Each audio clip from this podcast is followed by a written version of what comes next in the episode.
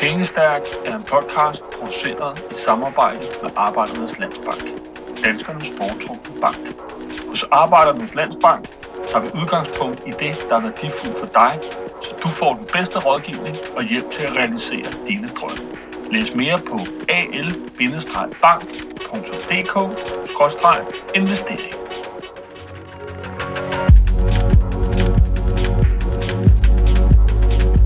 Mit navn er Ea, og det her det er mit forsøg på at give mig i kast med investering.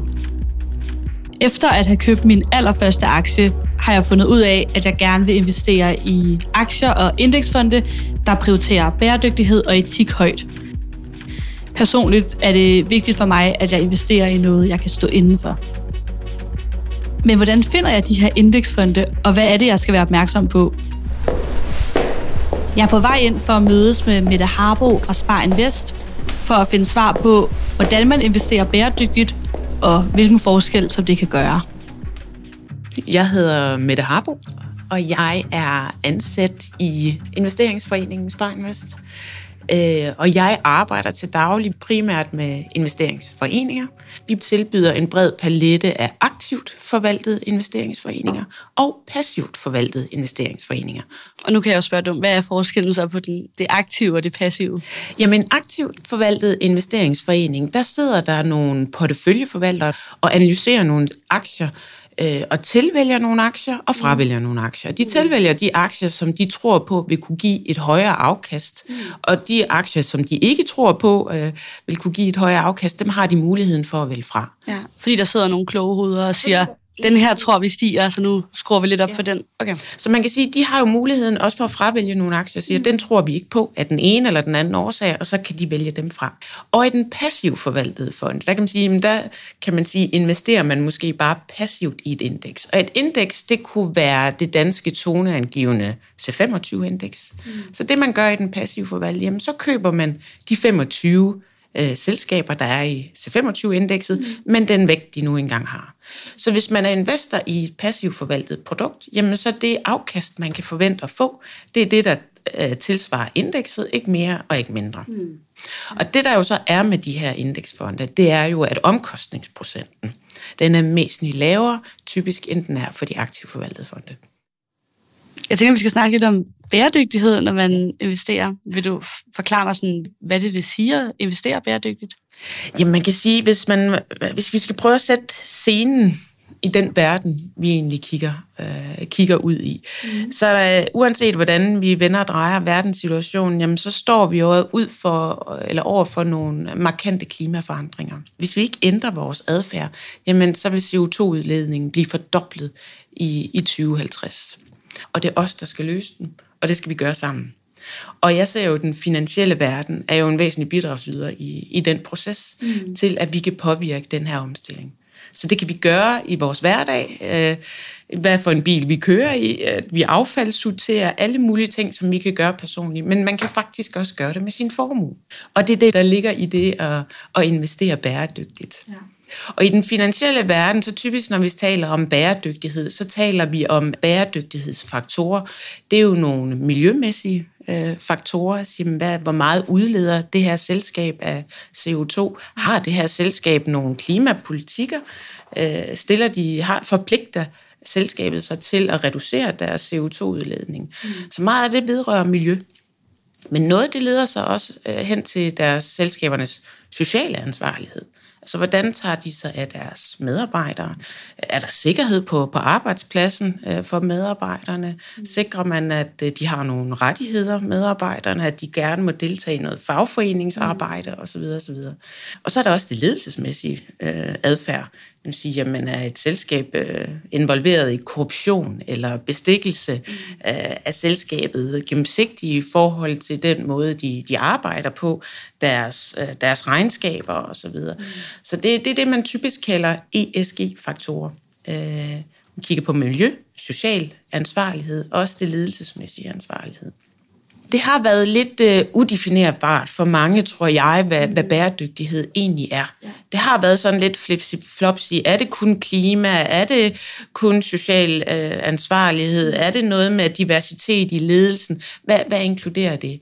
Og det gode, det er, at uh, EU faktisk har sat nogle retningslinjer, nogle ensartede retningslinjer til, hvordan man kan tale om øh, ansvarlig investering, mm. bæredygtighedsinvestering i forhold til investeringsforeninger. Mm. Og det er jo rigtig fint for den investor, som siger, jamen, øh, jeg vil gerne investere. Mm. Jeg vil gerne investere mine penge. Jeg er ikke villig til at bruge så meget tid og energi på at analysere enkelte aktier, altså købe Novo, Vestas eller Carlsberg. Jeg vil egentlig bare øh, gerne købe en investeringsforening mm. og, og, gøre, øh, og have andre til at gøre det for mig. Mm. Og den måde, man så kan kategorisere investeringsforeninger, øh, der har EU hjulpet os til at sige, jamen der er tre niveauer mm. af bæredygtighed. Øh, man kan kalde det lav, mellem eller en høj grad af mm. bæredygtighed. Og de øh, kalder det, man kalder det artikel 6, 8 eller 9. Et, øh, en artikel 9 for, det er jo den højeste grad af, af bæredygtighed i forhold til EU's øh, kategoriseringer, hvor, hvor bæredygtighed er målsætningen. Et eksempel, det kunne være, at man lever op til Paris-aftalen, og det betyder i dag, at CO2-udledningen i de selskaber, vi investerer i, jamen det er det halve af markedet. Og derudover, så skal de underliggende selskaber skal reducere CO2-udledningen med yderligere øh, 7% om året. Langt de fleste fonde i dag, det er øh, i Danmark, det er artikel 8-fonde. Og det der, for at blive en artikel 8-fond, jamen så inkluderer man bæredygtighed i udvælgelsen. Det er ikke nødvendigvis et mål, men det bliver inkluderet.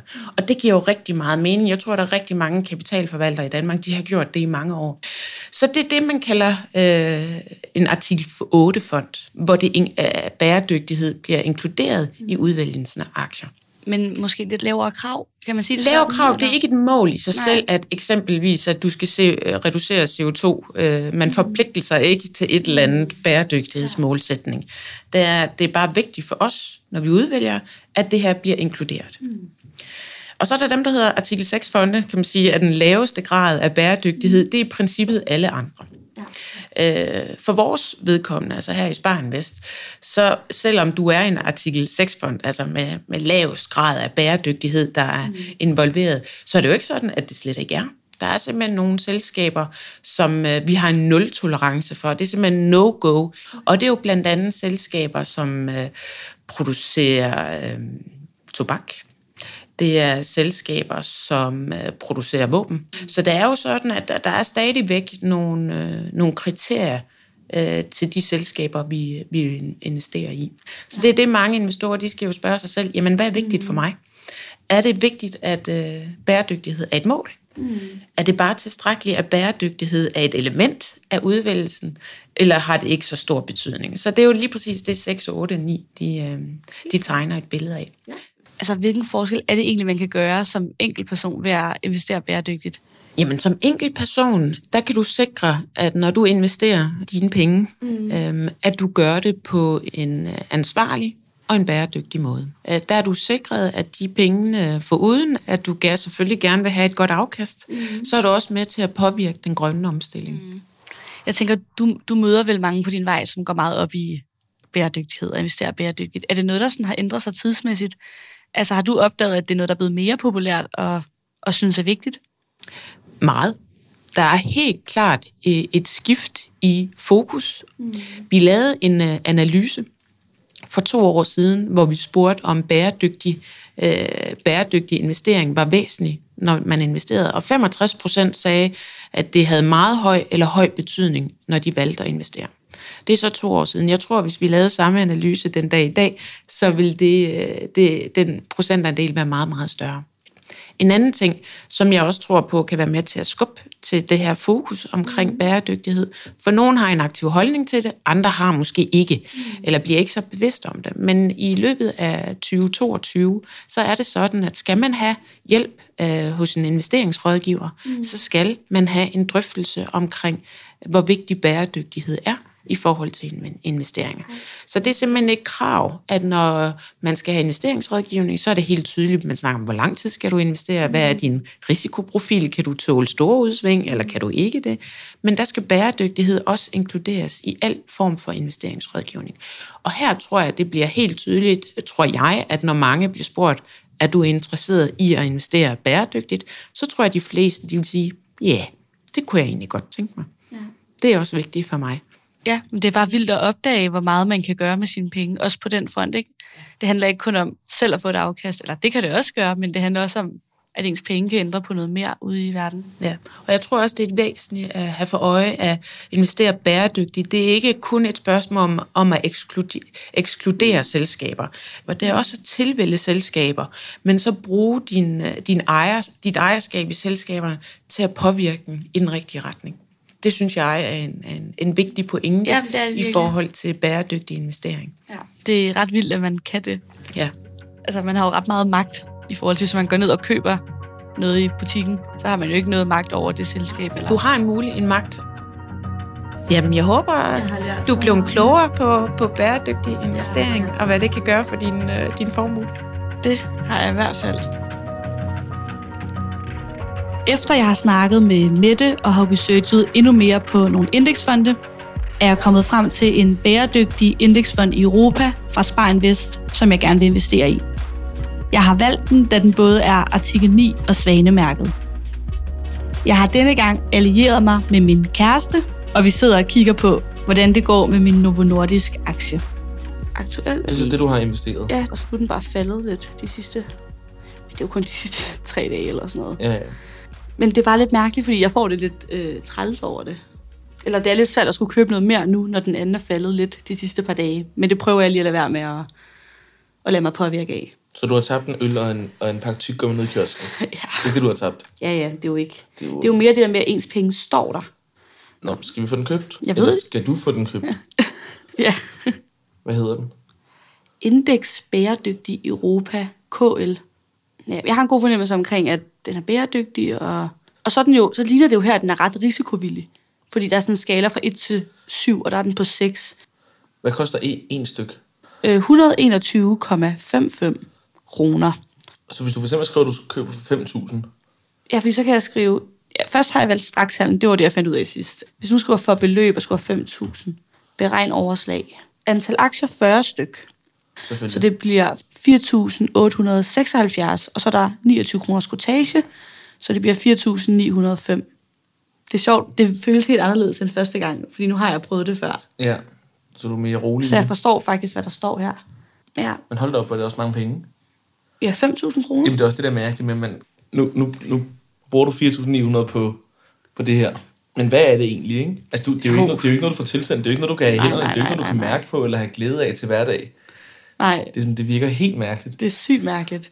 Det er også det der med, nu trykker man, så står der, at man har dem, men hvor, har, altså, hvor er de henne? Ikke? Altså, ja, hvad er det for noget? Jamen, det er så mærkeligt. Man bare ligesom stole på, at, øh, det, at det ligesom altså, virker, ikke? Godkend overslag. Okay? Yes. Ordren er modtaget. Det var da godt nok an, altså sådan antiklimaks. Det er så... At man får sådan en der side frem. Ja, ordren er modtaget. Man vil da bare gerne have et eller andet tillykke. Mm-hmm. Se, nu har jeg 8.497 kroner investeret. Det er fandme sejt. Så har jeg lige 1.500, jeg lige kan, hvis jeg støder på et eller andet. Jeg kan mærke, at jeg har lidt mere ro i maven nu, hvor jeg også har investeret i en indeksfond, og ikke bare har enkelt aktier i Novo Nordisk. Men jeg kan mærke, at jeg tjekker Netbank lidt for ofte og holder lidt for meget øje med, om kurserne er steget eller faldet på mine aktier. Denne podcast er produceret i samarbejde med Arbejdernes Landsbank. Tak fordi du lyttede med.